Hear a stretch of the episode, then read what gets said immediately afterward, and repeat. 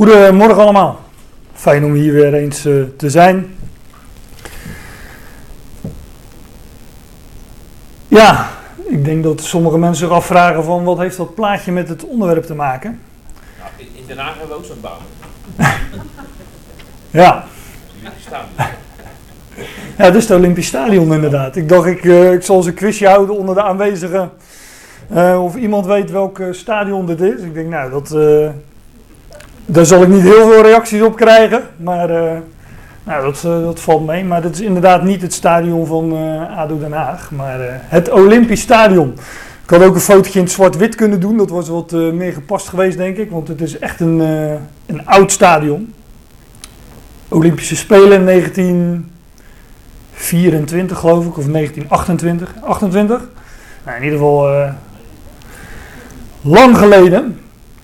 En um, ja, ik had dus wat andere titel, daar kom ik zo nog wel op. Maar uh, ik vond dit ook een mooie, want dit is wat Paulus zegt in, uh, in 1 Korinthe 9. En daar gebruikt hij ook het woord stadion. Want het woord stadion is een, uh, is een Grieks woord. En um, nou, dus dat gaan we vanzelf tegenkomen. Dus dan kom ik er ook wel, um, wel op waarom ik dan dit, dit plaatje, dit fotootje had. Ik denk dat Boy al lang weet hoe het zit, maar uh, ja, jij hebt het over die, uh, die Sintelbaan die erin zit. En dat, uh, dat is niet voor niks inderdaad, want er zijn niet zo heel veel stadions met zo'n atletiekbaan, of moet ik zeggen, een renbaan. En daarom had ik, had ik dit plaatje maar eens opgezocht, maar nogmaals, daar kom ik dan wel op. Um, ja, ik ga naar 1 Korinthe 9. En dat is een lang hoofdstuk, 6 of 27 versen. En ik uh, kan ze echt niet allemaal bespreken, want ik, uh, ik hoorde zojuist dat er om 6 uur een wedstrijd is. Dus uh, die wil Ron graag zien, begreep ik. Dus ja, dan moet ik het toch een beetje inkorten. Dus ik heb het voorgaande wat ik niet bespreek in 1 Korinthe 9 enigszins samengevat. Van wat zegt Paulus daar nou precies? Want het is wel goed om, om dat verband mee te nemen. En nou ja, ik, uh, ik sta hier wat, uh, wat ik, ik, zet hier wat dingen uiteen, maar het is toch aan jullie als luisteraars om, uh, om dat te checken of deze dingen al zo zijn die ik hier naar voren breng. En dan is het ook wel goed als je dat TZT gaat doen om, om het hele hoofdstuk er eens bij te betrekken. Het voorgaande in 1 Korinthe 9. Daar verdedigt Paulus zijn apostelschap. Zo, zo, vangt hij eigenlijk het hoofdstuk aan. Ben ik dan geen apostel? Heb ik niet Jezus Christus onze Heer gezien? Of Christus Jezus onze Heer gezien? En hij verdedigt dat hij als apostel het recht heeft, de bevoegdheid heeft, om onderhouden te worden. Voor door, zijn, uh, ja, door degene aan wie hij, om het dan maar zo uh, te zeggen, aan wie hij evangeliseert. Paulus noemt al wat voorbeelden. Zoals een soldaat. Hij zegt, ja, een soldaat die uh, is ingehuurd om, uh, om soldaat te zijn. Om dus, uh, ja, die wordt ingezet in de oorlog. Ja, die hoeft niet zelfs zijn brood te bakken. Of ehm, zelfs de koeien te melken zodat hij een glas melk heeft. Ik noem, maar, ik noem maar wat. Nee, een soldaat is ingehuurd. En zijn baas, degene die hem stuurt, degene die hem afvaardigt, die zorgt ervoor dat hij zijn eten en drinken heeft. En andere dingen en uh, zijn kleding enzovoort. Maar ook, uh, hij noemt ook voorbeelden van een landbouwer en een herder. Hè. Een landbouwer die, uh, als die, die wij hebben zo'n spreekwoord, wie, of gezegde, weet ik veel wat het is, wie appelen vaart, die appelen eet. Dat betekent dat als je appels aan het plukken bent, ja, dan is het ook logisch dat je zo'n appeltje ook zou mogen consumeren. Hè. En een, een, een herder die drinkt van de melk van de kudde. Dat, uh, dat is allemaal gewoon logisch. Is wat Paulus hier in het hoofdstuk naar voren brengt. Maar hij zegt ook dat dat in de wet al was vastgelegd. In de wet staat namelijk dat men een dorsende os of een dorsend rund niet zou muilbanden. Dat betekent dat die os die aan het dorsen is, gewoon ook zou mogen eten van hetgene wat hij aan het dorsen is. Zijn graantje meepikken, hè, om het zo te zeggen. En Paulus zegt er dan nog bij, ja, zegt God dit soms vanwege de ossen, hè? zorg God soms voor de ossen? Nee, dit zegt hij vanwege ons. Lees het allemaal maar na, het staat er. En de priesters in het heiligdom die aten van het altaar. Dat is ook iets wat, uh, wat hij zegt. Ja, dat, dat gaat ook wel dieper, dat is ook de Korinthebrief. Het, uh, het heiligdom uh, is een beeld van, van de Ecclesia. Paulus zegt tegen de Corinthiërs, weten jullie dan niet dat jullie een tempel zijn? En nou, zij aten van het altaar en dat altaar is weer een beeld van Christus. Kort gezegd, die het geestelijke zaait, zou of mag het vleeselijke, het stoffelijke oogsten. Dat is wat Paulus hier in 1 Korinthe 9 naar voren brengt. Maar, en dat is Paulus zijn boodschap in dit hoofdstuk. Hij had de bevoegdheid, hij had de autoriteit als apostel om aanspraak te maken op die dingen, maar hij deed het niet. Sterker nog, hij zag er een eer in om juist dat niet te doen. En ik wil laten zien waarom, dat zegt hij zelf ook natuurlijk, ik wil laten zien waarom dat zo was. Waarom Paulus geen aanspraak maakte op die dingen. Dus we gaan gewoon naar 1 eh, Korinthe 9. En uh, ik laat eerst even zien dat hij dat ook zegt. Hè, dat hij geen aanspraak daarop maakte. Of dat geen gebruik maakte van dat recht. En dan uh, een tweetal versen om dat uh, te laten zien. Paulus zegt: Indien anderen deel hebben aan dit recht over jullie. Wij, wij apostelen, niet veel meer. Dit gaat over um, de bevoegdheid, de autoriteit om er aanspraak op te maken om onderhouden te worden. Dat Paulus als apostel onderhouden zou worden, dat hij daar zijn bevoegdheid als apostel zou laten gelden, dat zijn gehoor, degene aan wie hij evangeliseerde, hem zou onderhouden. Hij zegt, indien anderen deel hebben aan dit recht over jullie, wij niet veel meer. Want Paulus was degene die in Korinthe was geweest en ja, door zijn prediking waren zij daar, was daar een ecclesia ontstaan. Waren daar, eh, was daar een groep van gelovigen ontstaan. En daarom zegt hij ook van ja, uh, als, dat, hij, zo verdedigt hij ook zijn apostelschap tegenover die Corinthiërs. Ja, als ik dan geen apostel ben voor jullie, ja, wie dan wel? Dat is eigenlijk wat, wat ik dan even met mijn eigen woorden zou zeggen, maar wat hij ook in 1 Korinthe 9 naar voren brengt. Maar hier gaat het over dat recht om onderhouden te worden door uh, die Corinthiërs. Maar wij gebruiken dit recht niet, zegt hij. Wij, maar wij zien er in alles van af. Om geen enkele hinder, dat is dus de reden, om geen enkele hinder te geven aan het goede bericht, aan het evangelie van Christus. Nou, wat hij daarmee bedoelt, dat, dat gaan we straks vanzelf zien. Maar Paulus zag af van het recht de bevoegdheid om onderhouden te worden. Hij deed er geen aanspraak op. Drie versen verder, in vers 15, zegt hij weer: Maar ik gebruik niets van deze dingen.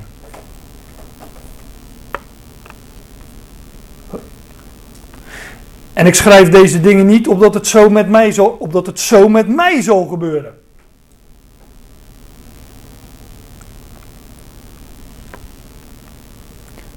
Want het is mijn ideaal eerder te sterven dan dat iemand mijn roem leeg zal maken. Dus Paulus die zegt van ik maak geen gebruik van mijn autoriteit die ik heb als apostel om door jullie onderhouden te worden. En hij zegt, ik schrijf, de, hij, hij legt wel uit dat dat de normale gang van zaken is, dat het zelfs vastgelegd is in de Tenacht, Oude Testament, uh, enzovoort, enzovoort. Maar hij zegt, ik schrijf dat niet op dat het zo met mij zal gebeuren. Want het is mijn ideaal. Hij zegt, ik ga nog liever dood dan dat ik dat doe. Dan dat ik, dan dat ik daar ook aanspraak op zou maken, terwijl hij dat recht wel had. Zo sterk zegt hij dus. En waarom nou? Het is mijn ideaal eerder te sterven dan dat iemand mijn roem, mijn eer, leeg zal maken. Paulus zag er dus een eer in om het juist niet te doen. Juist niet die aanspraak te laten gelden. Ik zeg er meteen bij, want ook dat vinden we in zijn brieven, dat hij bij gelegenheid wel ondersteuning ontving. Lees bijvoorbeeld Filippenzen 4. De Filippenzen hadden hem ondersteund en dat, dan zei Paulus, dank u, dank u weer, ik neem, dat, ik neem dat aan, ik ontvang dat uit genade. Hij was daar blij mee, maar het punt dat hij hier naar voren brengt is dat hij er geen aanspraak op maakt. Dat hij niet zijn recht, zijn bevoegdheid, zijn gezag als apostel gebruikte om zijn gehoor of zijn publiek ertoe te bewegen om hem te ondersteunen. Maar als hij het bij gelegenheid ontving, ja, dan accepteerde hij dat. Maar dat is wel iets heel anders. En Paulus zegt: Het is mijn ideaal eerder te sterven dan dat iemand mijn roem leeg zal maken. Ik moet even opletten dat ik uh, twee dingen tegelijk klik. Want ik zat vorige keer naar mijn eigen, even mijn, eigen video te kijken. Toen heb ik ongeveer de hele tijd zo gestaan. Ik ja, laat ik gewoon mijn laptop meenemen. Maar dan moet je wel uh, synchroon klikken. dat, uh, maar ja. Dus even, even wennen, denk ik. Maar dat is wat Paulus hier naar voren brengt. En dan uh, ga ik dus verder in vers 18. Sla ik dus weer een paar versen over. Want we moeten uiteindelijk in vers uh, 6 of 27 komen. Hij had het net over zijn eer, zijn roem. En hij zegt: Wat is dan mijn loon? Wat zag Paulus als zijn loon? Dat ik, wanneer ik het goede bericht breng, dat is gewoon één woord, want op, op dat evangeliserende staat daar. Op dat, wanneer, op dat ik wanneer ik het goede bericht breng, ik het goede bericht om niets zal plaatsen. Het goede bericht om niet zal plaatsen. Ja, dat is een, uh, een leuke zin. Dat is ook een beetje afhankelijk hoe je, hoe je de komma's uh, zet. Van wat, wat betekent dit nou precies? Want die kan je op tweeërlei eh, manieren uitleggen. Dat Paulus het evangelie om niet zou brengen, dan, dan slaat het om niet op de boodschap van het evangelie. Paulus bracht een evangelie, een goed bericht. En dat goede bericht is dat God rechtvaardigt om niet. Dat gratis, en gratis, daar kan een mens niets aan doen. Het is God die dat doet. Dat is het evangelie om niets. Zoals Paulus dat in bijvoorbeeld ook in Romeinen 3 vers, eh, ik meen 3 of 24 zegt. Dat allen hebben gezondigd en derven de heerlijkheid Gods en worden om niet gerechtvaardigd uit de genade die in Christus Jezus is.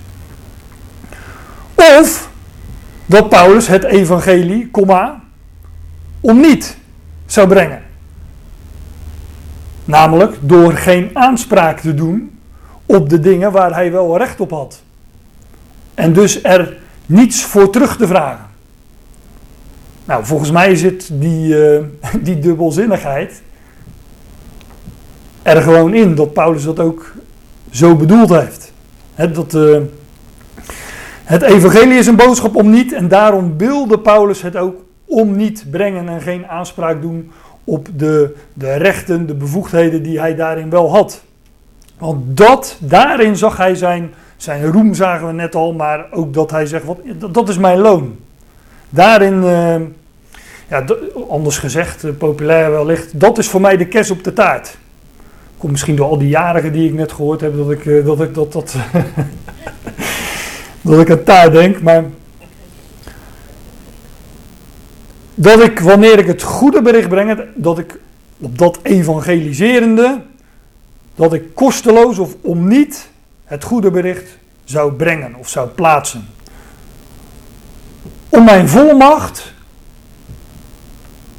in het evangelie, in het goede bericht, niet ten volle te gebruiken. oh, ik heb het woord al een paar keer genoemd, of, of bevoegdheid. Dus mijn volmacht of bevoegdheid. Omdat ik mijn bevoegdheid, dus de bevoegdheid die hij had als apostel, nogmaals, nou, weet inmiddels wat het is.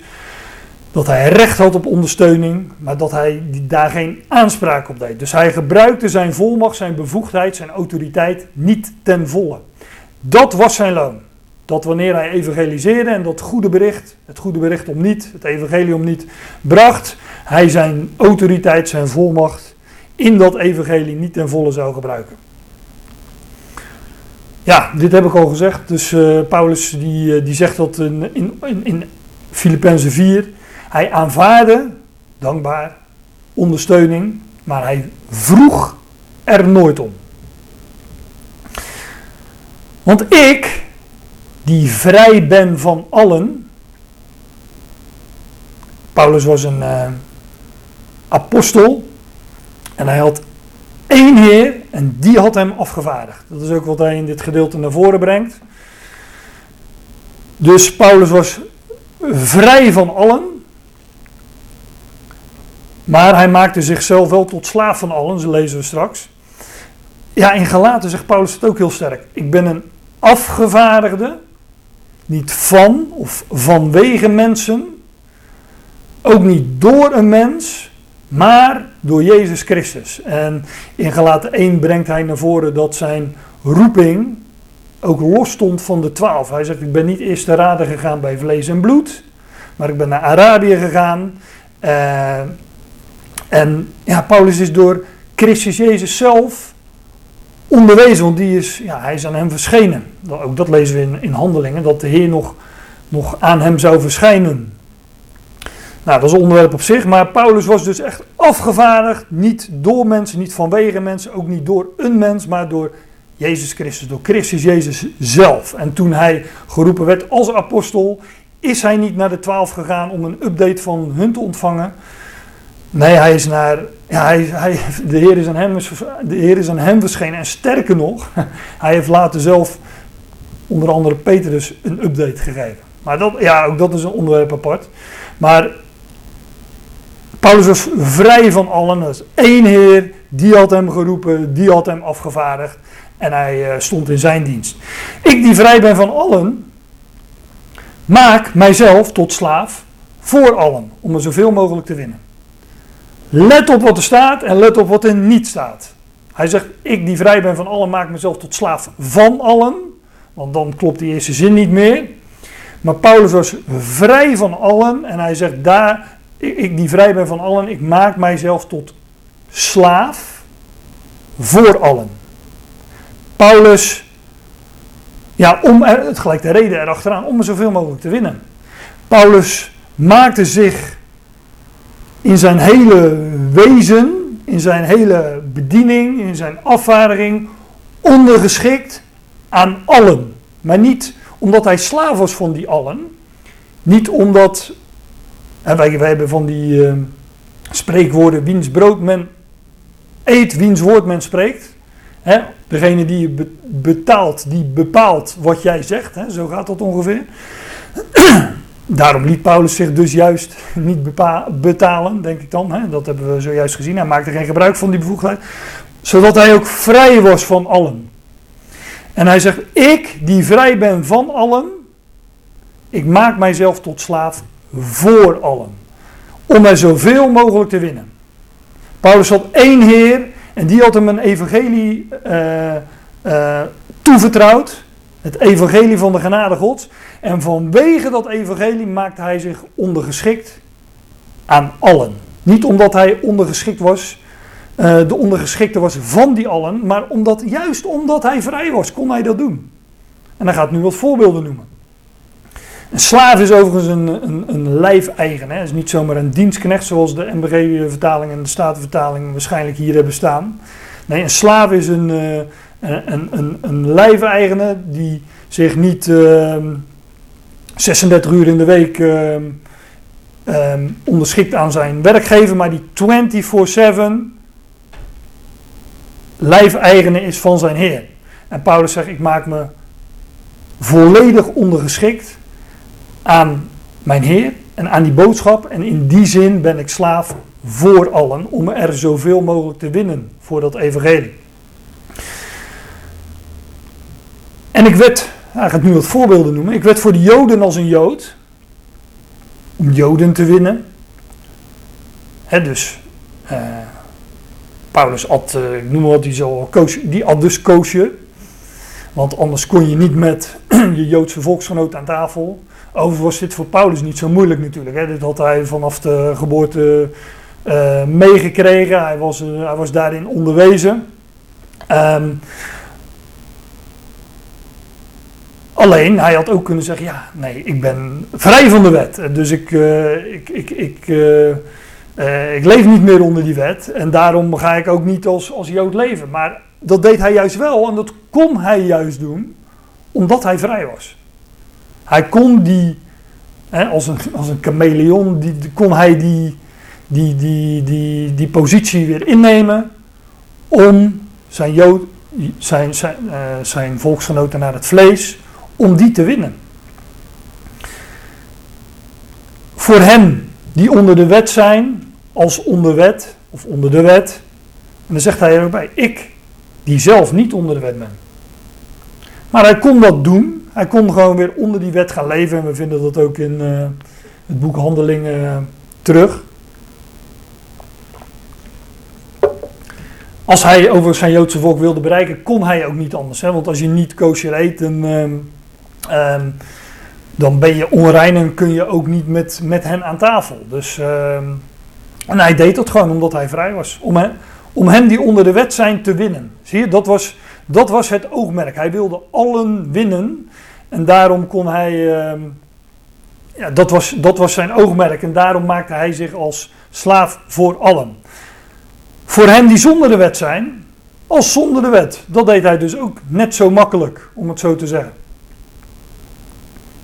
Dan zegt hij ook bij: Ik die niet zonder de wet van God ben, maar wettig van Christus. Paulus zegt, ja, uh, ik ben geen wetteloze.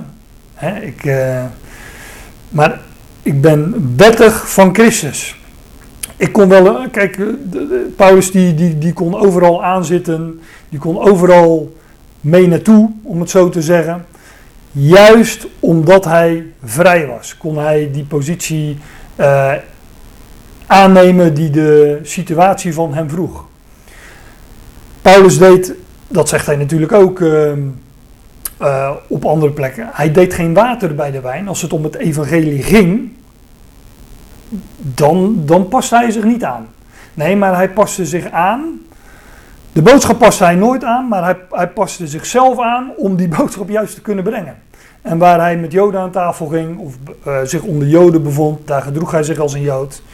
En waar hij zich bevond onder hen die zonder wet zijn, daar gedroeg hij zich als zonder wet altijd gewoon wel een varkenshaas, om het uh, maar even zo te zeggen. Ik die niet zonder de wet van God ben, maar wettig van Christus. Is ook een mooie, want de, de vertalingen zeggen hier, de MBG, onder de wet van Christus. Het staat er niet. Staat de vertaling voor Christus onder de wet. Hij, zegt, hij, heeft hier net zo, hij heeft juist hiervoor gezegd dat hij niet onder de wet is. Hè? Ik die niet onder de, de wet ben. Er staat en nomos is het Griekse woord, dat, dat is letterlijk in, hè, dat N is in, ingewet. Ingewet, ja, zoals wij ook ingelijfd zijn in Christus. Zoals Paulus wist zichzelf ingewet als wettige, wettelijk van Christus. Hem toebehorend, want hij wist, hij is mijn Heer, dus hij is mijn eigenaar, hij heeft mij gekocht en betaald. Dus wettelijk, wettig van Christus. Voor hen die zonder de wet zijn als zonder de wet, om hen die zonder de wet zijn te winnen. Weer, net als bij de Joden, hij was de Joden Jood om Joden te winnen. Hen die zonder de wet zijn als zonder wet, om hen die zonder de wet zijn te winnen. Dat was dus Paulus zijn oogmerk. De winst. Hem winnen voor het evangelie. Ik werd voor de zwakken als zwak, om de zwakken te winnen hebben we trouwens ook een uh, voorbeeld van in dezezelfde brief, één hoofdstuk hiervoor, in uh, 1 Korinthe 8.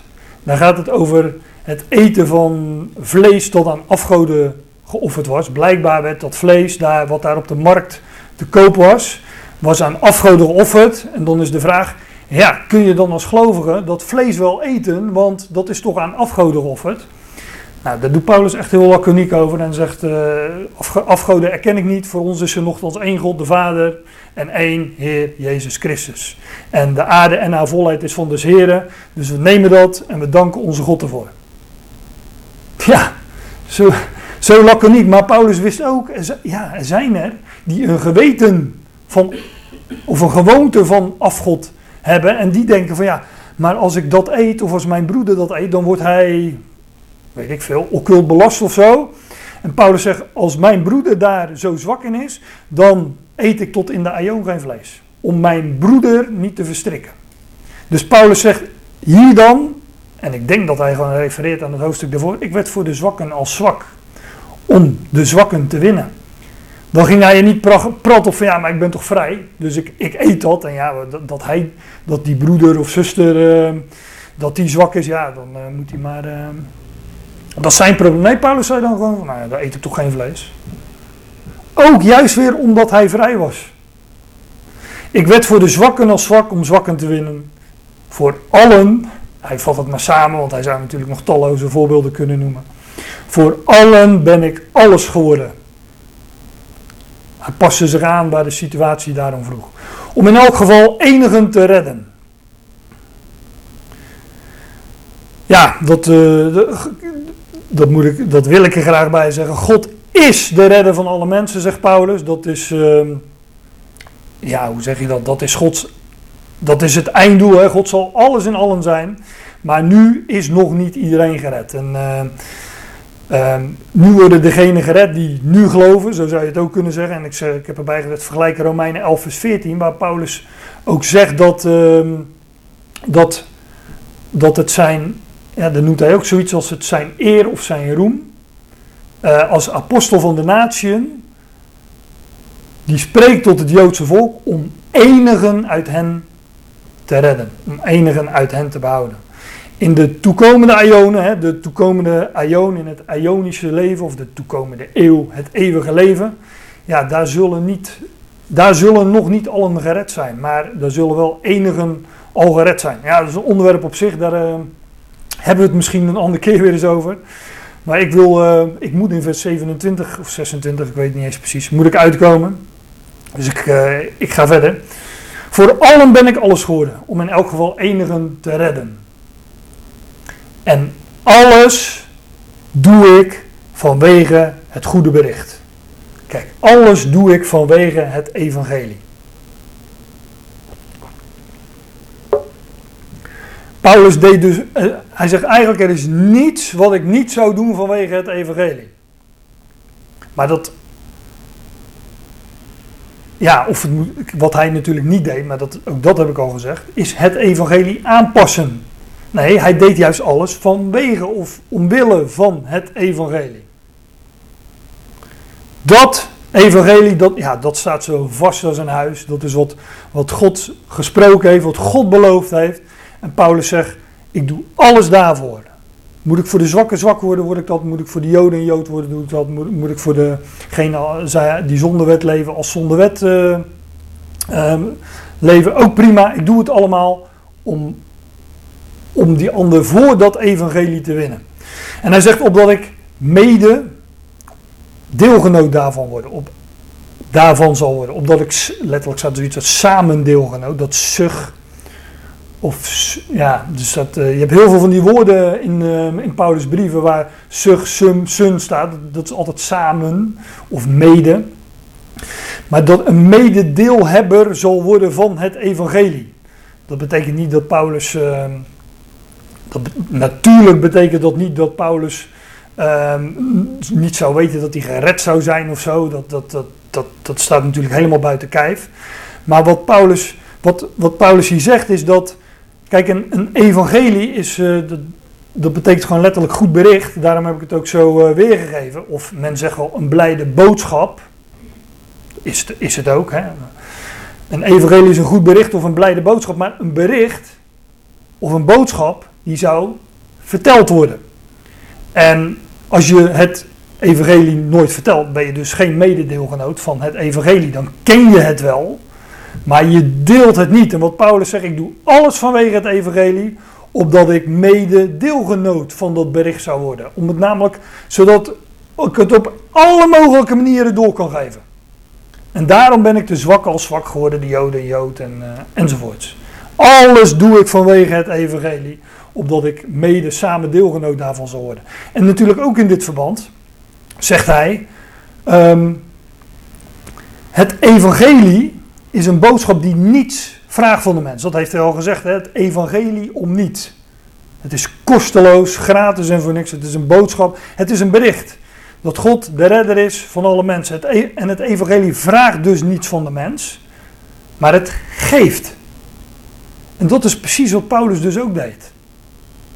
En zo werd hij dus ook mede samen deelgenoot van het evangelie, door niets te vragen, hoewel hij de autoriteit, de bevoegdheid had om dat te doen. Maar hij gaf, hij gaf het door. Want daar is een bericht voor, daar is een evangelie voor. Alles doe ik vanwege het goede bericht, opdat ik mede samen deelgenoot daarvan zal worden. Weten jullie niet dat zij die in een stadion rennen, kijk daar hebben we hem eindelijk. Dus vandaar dus dat stadion. Weten jullie niet dat zij die in een stadion, hè, het Griekse woord zie je ook daar, ik kan het niet aanwijzen, maar dat, dat zie je daar ook, stadio. De interlineair eronder. Weten jullie niet dat zij die in een stadion rennen? En, ehm, nou, laat ik eens even verder lezen. Alle inderdaad rennen, maar dat één de trofee, de prijs, in ontvangst neemt.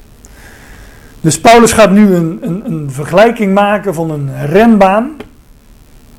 Uh, en hij heeft al aangegeven in, deze, in, in het voorgaande dat hij alles deed vanwege het evangelie. Dus hij had maar, dat is eigenlijk de, de, de, de boodschap van, van dit gedeelte. Hij had een focus. Hij was gericht op het evangelie. En alles wat hij daarvoor moest doen, maar ook wat hij daarvoor moest laten, dat was ondergeschikt aan die focus. En nu gaat hij een, uh, een metafoor gebruiken van degene die in een stadion rennen, of in een renbaan rennen, hebben geloof ik de renbaan of een loopbaan, hebben de reguliere vertalingen. Hij zegt, weten jullie, dan, weten jullie niet dat zij die in een stadion of een renbaan rennen, allen inderdaad rennen, maar dat één de trofee, de prijs, in ontvangst neemt. Dus ze rennen zich allemaal het uh, rambam. maar er is er maar eentje die die prijs ontvangt. En toch, al die atleten die, uh, die hebben die focus op die prijs en die, die zien ook voor, van, van van alles af. Ik kom zo op terug. Ren dan zo dat jullie die zullen grijpen. Er staat niet, rem dan dat jullie die zullen grijpen. Alsof er maar één prijs is. dat, dat is één woordje, maar dat woordje zo staat er niet voor niets. Er staat rem dan zo dat jullie die zullen grijpen. Jullie is ook een meervoud, dus blijkbaar zijn er uh, de, de, de, in de metafoor, in de rembaan is er maar één die de prijs ontvangt. Maar hij spoort zijn hele publiek aan. Ren dan zo dat jullie die zullen grijpen. Want wij weten uit andere schriftgedeelten, overigens ook in, uh, in, 1, in 1 Korinthe 3 is het, dat, uh, nou hij zegt bijvoorbeeld in 2 Korinthe 5, bij allen moeten voor het podium van Christus geopenbaard worden. En daar worden, op het podium, hè, daar worden de prijzen uitgedeeld. En allen zullen loon ontvangen. Hè, in 1 Korinthe 3 is dat goud, zilver, kostelijke stenen kostbare stenen. Dus hij zegt, ren dan zo dat jullie die zullen grijpen. Zo is dus met deze instelling. De instelling, alles doe ik vanwege het evangelie. Dus weten jullie niet dat zij die in een stadion rennen, allen inderdaad rennen, maar dat één de trofee of prijs in ontvangst neemt. Ren dan zo dat jullie die zullen grijpen. En in ieder die strijd, dit woord strijd wordt elders vertaald gewoon met een wedstrijd. En daar, gaat het in de metafoor ook natuurlijk uh, over. En ieder die strijd beheerst zich, zichzelf, in alle dingen. Kijk, hier gaat het over die, die atleet hè, die in die, uh, in, in die renbaan rent. En zo'n atleet die beheerst zichzelf in alle dingen. En dus die, die, die heeft maar één focus en dat is, uh, ik moet als eerste daar over die finish komen. En alles wat daar niet aan bijdraagt, of juist wel aan bijdraagt, de juiste voeding, maar ook wat dan geen juiste voeding is niet, eh, genoeg slaap, geen alcohol, dat schijnt geloof ik ook eh, niet, eh, niet goed te zijn voor de prestaties. Geen tijd, ja, maar ook gewoon het, het, het afzien van andere dingen, omdat je daar geen tijd voor hebt. Nou, noem het allemaal maar op. Zo werkt een atleet naar dat doel toe. En ieder die strijdt beheerst zichzelf in alle dingen, zegt Paulus. En die, ja, dat moet ik er nog bij zeggen. De Olympische Spelen die, uh, die beginnen uh, hier binnenkort ook weer. Tenminste niet hier, maar die beginnen binnenkort ook weer. Maar dat kende men toen ook al. Hè?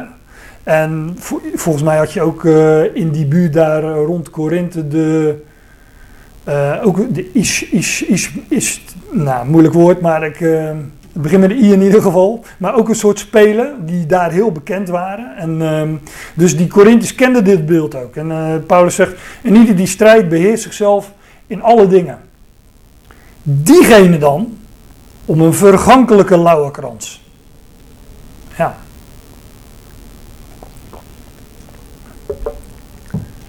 Toen kreeg men zo'n uh, lauwerkransje om uh, blijkbaar. Tegenwoordig hebben we medailles, maar het blijft natuurlijk allemaal maar. Uh, ja, we, we, hebben het al eens over eeuwige roem, dan kom je in de boeken. Maar ja, ja wat betekent dat? Hè? Uiteindelijk is het toch allemaal vergankelijk. Want de atleet is vergankelijk, maar ook nou, deze hele schepping is vergankelijk. Dus er komt een einde aan. En Paulus zegt, diegene dan, die atleten, om een vergankelijke lauwerkrans in ontvangst te nemen die, die, die atleten zien in alles af om zo'n, uh, ja, om de eer eigenlijk. Hè? En dat wordt dan uh, gesymboliseerd in zo'n lauwerkrans. Ieder die strijdt beheerst zichzelf in alle dingen. Diegene dan om een vergankelijke lauwerkrans in ontvangst te nemen. Maar wij een onvergankelijke. Dat wat wij, dat wat de Heer in, in ons leven door ons doet, hè, waarin Hij ons gebruikt als instrument dat heeft zijn weerslag in het onvergankelijke. Dat is wat Paulus hier zegt en hij zegt dat op, uh, op vele plaatsen. Ik had, een, uh, ik had daar een hele lezing van kunnen geven. Ik, ik, heb het niet gedaan omdat ik bij dit schriftgedeelte wil blijven. Maar pak een concordantie, zoek maar eens op loon. Dat soort woorden. Of prijs. En je komt het vanzelf tegen. Dat de gelovigen voor het podium van Christus loon zal ontvangen. En dat is, dat is niet om onze werken, of, maar dat is om wat Hij door ons heeft kunnen doen. Nou, diegene dan, Paulus zegt, die, die, die, die hebben de focus, het afzien om een vergankelijke lauwerkrans in ontvangst te nemen. Maar wij een onvergankelijke, oftewel, ja, als zij dat al hebben bij die vergankelijke lauwerkrans, ja, wat zouden wij dan, waar zouden wij dan ons, als wij de blik mogen richten op dat onvergankelijke? Hoe zouden wij dan in die loopbaan, en dan de loopbaan van het geloof, lopen, rennen of uh, ervoor gaan? Hier staat trouwens ook weer bij, dus er is niet slechts één winnaar, maar dat heb ik ook al aangegeven. Wij allen moeten voor het podium van Christus geopenbaard uh, worden. Als dat zo is, zegt Paulus, dan ren ik ook zo. met die instelling. Alles doe ik vanwege het evangelie. Als dat zo is, dan ren ik ook zo. Niet met een onduidelijk doel. Dan, uh, ja, die atleten ook, die, die hebben een doel en daar, daarin zien zij van alles af. En ook in de wedstrijd natuurlijk. Uh, in de wedstrijd zelf zijn er allerlei regels. Je mag niet met je voeten over het lijntje komen. Je, moet, je mag niet te, te vroeg starten. Dan is het een valse start. Nee, als dat zo is, dan ren ik ook zo. Niet met een onduidelijk doel. En het doel is die finish halen. En al het andere, daar zou, zegt Paulus, daar zag ik vanaf. Alles doe ik vanwege het goede bericht, het evangelie. Als dat zo is, hè, als, dat zo, als, wij, een onvergankelijke prijs, trofee, lauwe ontvangen. Als dat zo is, dan ren ik ook zo, zegt Paulus. En hij zegt op andere plaatsen, ik, ik haal het maar uit het hoofd aan. Ik heb de goede strijd gestreden. Ik heb het. Uh, um, ja, ik heb het geloof bewaard, zegt hij zelfs. Ja. Maar het was nog, ik, heb, ik, heb de, ik heb de loop. ik heb de goede strijd geleg, ik heb de goede strijd gestreden, ik heb de loop beëindigd, ik heb het geloof bewaard. Niet behouden dat Paulus zegt van nou ik was een gelovige, dan ben ik nog steeds gelukkig. Nee, hij had het geloof, dat evangelie had hij ook bewaard als, als, als apostel. Had geen water bij de wijn gedaan, het was nog exact hetzelfde als, hij, als de Heer aan hem doorgegeven had. Als dat zo is, dan ren ik ook zo niet met een onduidelijk doel. En dan komt een ander beeld. Ja, niet doelloos wandelen als gelovige, maar gefocust op de Heer en het evangelie. als, die, uh, als, die, uh, als die atleet. Ik boks zo, niet als iemand die in de lucht slaat. Dus dan een, uh, een andere soort atleet. Blijkbaar deden ze dat toen ook al, elkaar de hersens inslaan. Maar ook een bokser, ja, Ehm, ik heb niet heel veel verstand van die sport. Wil ik maar zo houden ook. Maar ik weet wel, ja, ook dat zijn echt sporters. Het is niet zo dat ze. De, dat, ook dat zijn mensen die, die trainen, trainen, trainen, afzien, trainen. Allemaal voor die ene wedstrijd. En um, die allemaal om kracht op te doen, snelheid, souplesse, noem het allemaal maar op. Maar, maar die weten ook waar ze hun tegenstander moeten raken. Niet zomaar op die plekjes waar, je twintig van dat soort klappen kan krijgen. Nee, het liefst gelijk op die ene goede plek en hard, zodat iemand gelijk tegen de vlakte gaat. Dat is eigenlijk ja, het idee. Ja, ik vind het altijd een beetje primitief, maar uh, er zijn mensen die daarvan houden. Ik bok zo, niet als ik doe, ja, niet die, iemand die zomaar in de lucht slaat. Nee, gericht, gefocust op dat doel. Ik bok zo niet als iemand die in de lucht slaat. Als dat zo is, dan ren ik ook zo. Niet met een onduidelijk doel. Ik boks zo, niet als iemand die in de lucht slaat. Focus, het doel, alles doe ik vanwege het evangelie. Nee, ik geef mijn lichaam ervan langs. En ik leid het in slavernij. Ook hier weer die onderschikking. Paulus onderschikte zich in alles vanwege dat evangelie. En dat, dat, was, dat was de focus hè, als, een, ehm, als een atleet in dat, uh, in dat stadion. Om, om niet naar anderen gepredikt of geproclameerd te hebben, zelf wellicht ondeugdelijk te worden. En in de metafoor is dat hier, hè, zelf gedisqualificeerd worden.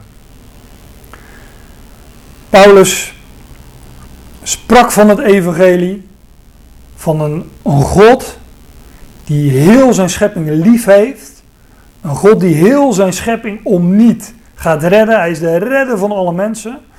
En Paulus zegt, ik heb daar alles voor over. Vandaar dat hij ook geen aanspraak maakte op de bevoegdheid, de autoriteit, de volmacht die hij had als apostel. Om mensen te vragen om ondersteuning. Want het evangelie vraagt ook niks van de mensen. Dus Paulus zegt, dat doe ik ook niet. En hij zegt, ik geef mijn lichaam ervan langs. Ik zie af van dingen waar ik wel een beroep op zou kunnen doen. En ik leid het in slavernij om niet naar anderen geproclameerd te hebben, ja, zelf wellicht ondeugelijk te worden. En hij zei, ik heb, ja, ik heb, we hebben het net gelezen, ik zou nog liever sterven dan die eer die ik daarin zie, die roem die ik daarin heb, leeg te maken. Ja, walk your talk, hè, dat, is, uh, zijn van die uh, gezegdes die, die wij hebben, de daad bij het woord voeren. En uh, ja, dat is dus de, de boodschap die Paulus in dit, in dit geweldige hoofdstuk naar voren brengt. En dit, dit is ook het laatste vers. En hij gebruikt daar dus die, die metafoor van dat stadion. En ik had nog heel veel schriftplaatsen hierover kunnen, kunnen aanhalen. Maar ik dacht, ja, dat dat gaat me heel veel tijd kosten, dus dat, dat gaan we maar niet doen. Maar één uh, gedeelte wil ik, daar nog, wil ik daar nog bij noemen. Zoek er maar eens op in uh, Hebreeën 11. Dat hoofdstuk kennen jullie allemaal, want het is dat, uh, die galerij van geloofshelden. Hè, daar worden ze Abel, Mozes, Abraham, Isaac, Jacob, maar ook de schrijver zegt op een gegeven moment, hij noemt al die, die voorbeelden van in geloof hebben zij nou, en dan, dan volgt er een, ehm, een, een, omschrijving van wat zij, wat geloof in hun bewerkt heeft. En hij zegt er dan nog bij, ja, het zou, het zou me te ver gaan als ik nog moet verhalen van Gideon, Simpson, Barak, Jefta. Oftewel, hij, zegt, hij vertelt, ik kan daar eindeloos zou ik daarover door kunnen gaan. En dan zegt hij in het begin van hoofdstuk 12 van Hebreeën, dat wij dan dus zouden zien op de overste leidsman van het geloof. Christus. Die ook zijn loopbaan heeft gelopen. Ook hij is zijn weg gegaan in geloof. En dan zegt Paulus, over afzien gesproken, hij heeft de schande veracht. Hoe staat het er? De, het kruis gedragen en de schande veracht vanwege de vreugde die hem voorgesteld was.